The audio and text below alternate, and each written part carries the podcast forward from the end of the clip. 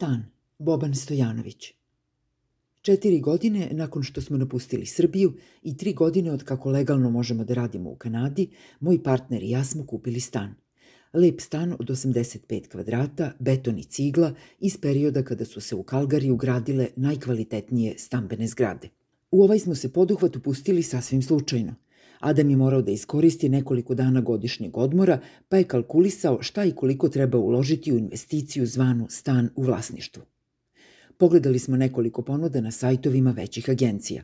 Ujednačena vizualna estetika sajta, kao i mnoštvo informacija koje su se nalazile u opisu, ulivale su nam poverenje. Jedan stan nam se učinio prilično zanimljiv i poslali smo upit. Sećam se da je bila nedelja, negde oko 7 sati uveče. Nakon pola sata stigao je odgovor i bili smo povezani sa agentom.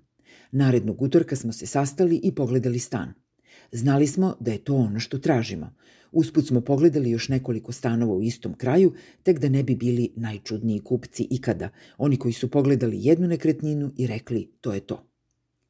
Kada smo se odlučili za kupovinu, u igru su ušli i drugi ljudi. Broker, advokat, čovek koji je prošao kroz sva dokumenta vezana za stan i momak koji je doslovno prošao kroz ceo stan i proverio da li su svi utikači ispravni, dokle dobacuje toplota iz grejnih tela, kako dihtuju prozori, kakve su cevi u kupatilu i da li svi aparati u stanu rade kako treba.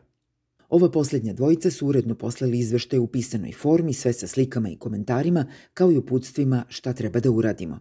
Sa advokatom se nismo sreli do dan pre prenošenja stana na naše ime. Kada smo konačno upoznali Johna, on je sa nama prošao kroz 30 dokumenata, objasnio nam šta je koji papir, zašto je važan, gde i šta potpisujemo i tome slično. Kao rezultat svega ovoga, 4. decembra prošle godine postali smo vlasnici naše prve nekretnine u Kanadi. U ovoj priči dve stvari su važne. Prva je da smo sve ljude koji su bili uključeni u proces kupovine angažovali na preporuku agenta za nekretnine. On nas je uvek pitao da li imate vašeg brokera, advokata.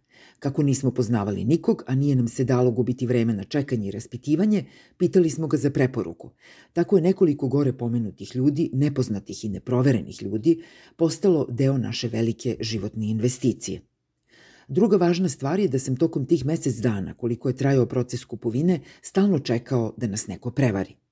Moja paranoja je išla do toga da, ako bi neko rekao da će me pozvati za pet minuta, ja bih skoro štopovao vreme i sekundu nakon petog minuta dobijao potvrdu kako je taj neko đubre pokvareno koje je našlo na meni da zarađuje.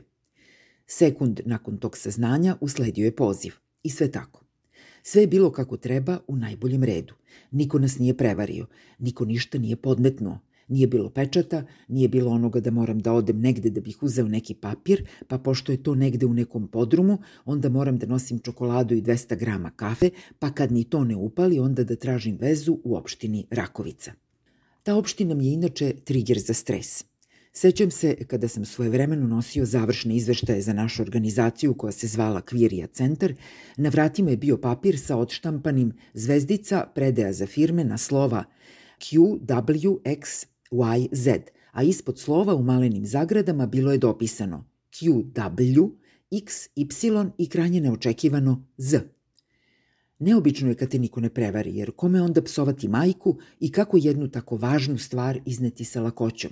Život nema smisla bez napora, stresa, prevare i samo dokazivanja sobstvene promućurnosti u razbijanju ličnosti agenta za nekretnine. Nakon što smo kupili stan i zakazali selitbu, krenuli smo sa pakovanjem.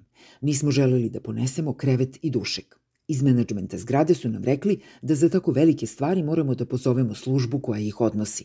To su servisi koji dolaze istog dana i pokupe šta treba. Pozvao sam i rekli su mi da to nešto košta. Meni se navedena suma činila velikom. Onda sam isplanirao da jedne noći dok svi spavaju snesem delove kreveta i taj ogromni king size dušek i ostavim ga pored zgrade. I onda sam potpuno filmski video sebe sa neke distance kako teglim taj dušek u neko zlo doba noći i pitao sebe šta ja to radim. Onda sam pozvao servis, oni su došli, ja sam platio i stvari su bile odvezene. Prevara sistema je ovde postala teret. Kada mi se dese ovakvi momenti, pitam se kako ja dolazim do toga i kako je ovo društvo uopšte dospelo do tog nivoa. Sebe smatram tek jednim pristojnim čovekom i imigrantom koji je voljan da razume društvo u kome je. Ja nisam ni poseban, ni spektakularan. Nisam ni neko ko čita sva uputstva i pravila. Jednostavno, pratim kako društvo oko mene diše i trudim se da dišemo zajedno. I to ide u tom pravcu. Postoji neki red, taj red ima svoje objašnjenje i svoj smisao, ima i svoju logiku i zaista se osjećam loše ako sve to ne poštujem. I osjećam se bolje. Riznica mog kanadskog života je siromašna sa zajebao sam sistem, brate, biserima, ali nedostatak takvih vrednosti ostavlja prostora da se riznica popuni drugim stvarima.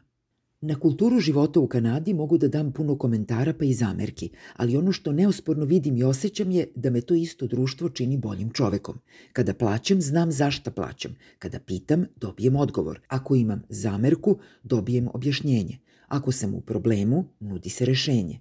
Svaki moj angažman se prepoznaje, a veštine koje posjedujem se nagrađuju. I to mi prija.